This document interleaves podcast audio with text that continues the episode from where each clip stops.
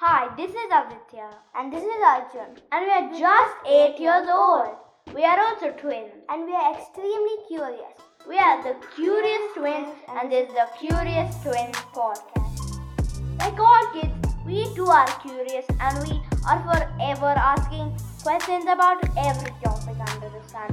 While our parents try their best, sometimes we need to rely on Google or talk with Alexa to get our answers. And so we thought, why not share our questions and answers with other kids like you?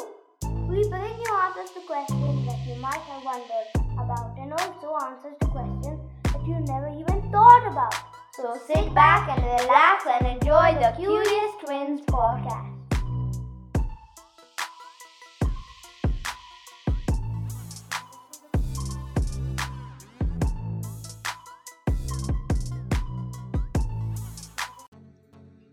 Adi, do you know there's a new youngest grandmaster in town?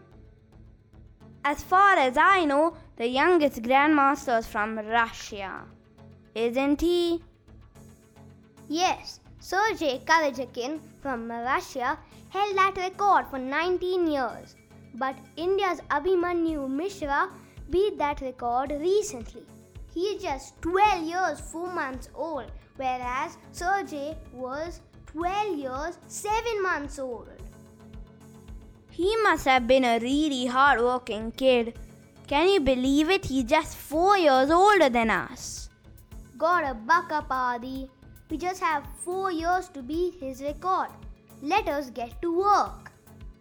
But first, we should finish this episode. What are we talking about today?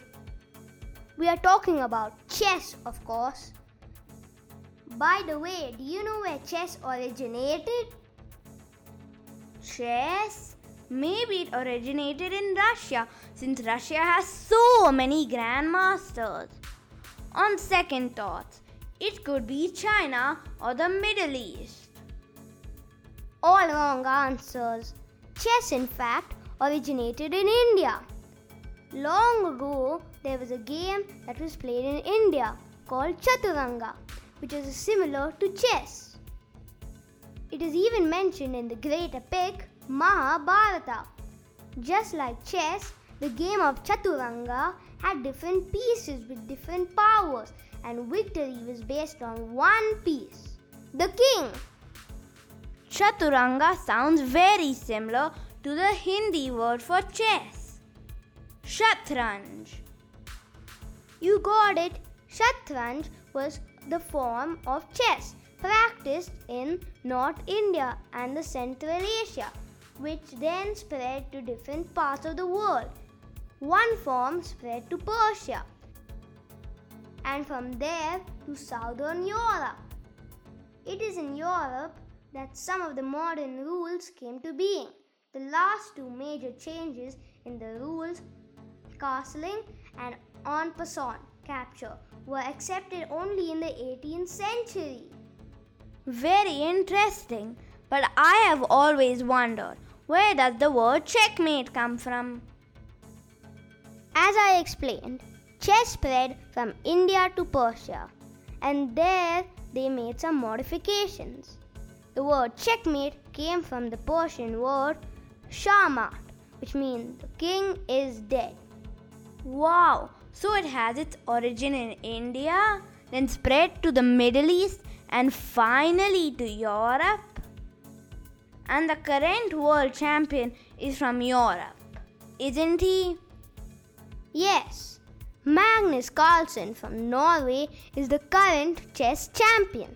He's just 30 years old and he beat Fabiano Caruana of the US in 2018 to become the champion again.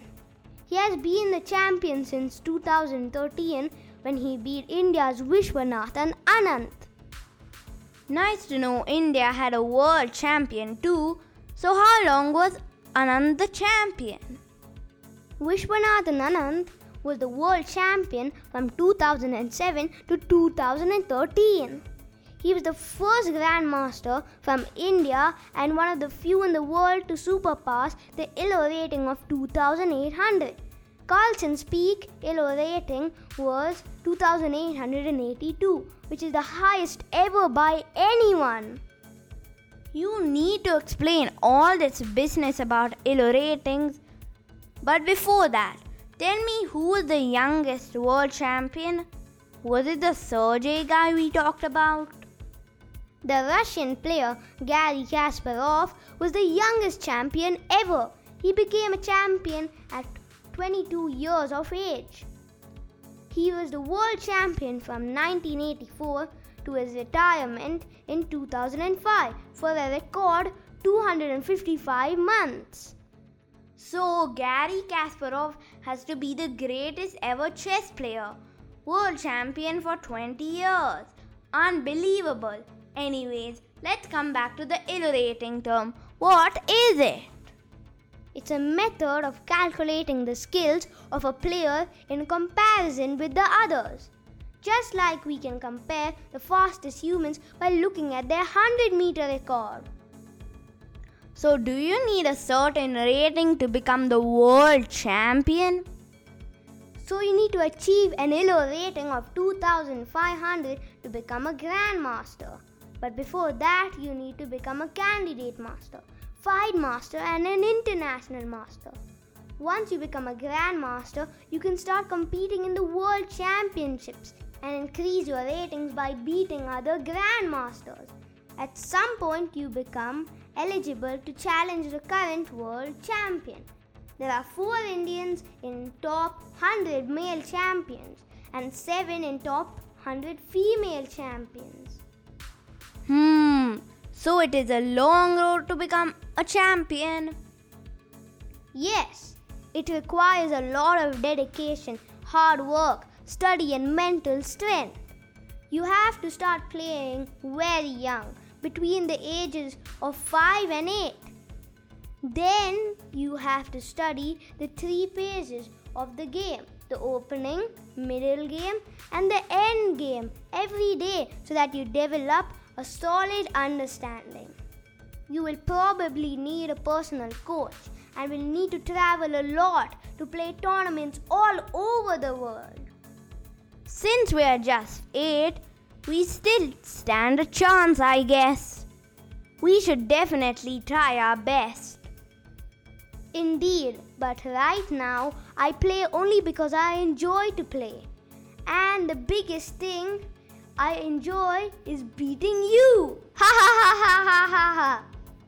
Jokes apart, I would definitely recommend chess to all of my friends who are listening. It is a great way to improve your memory and train your mind to solve complex problems. So go ahead for it, friends. We did not get into any of the interesting facts. Let us do another episode so that we can tell our friends about these. Sure thing, Adi. We will do another episode. But that's it for this episode of the podcast. We will catch you again in the next episode of the Curious Twins Podcast.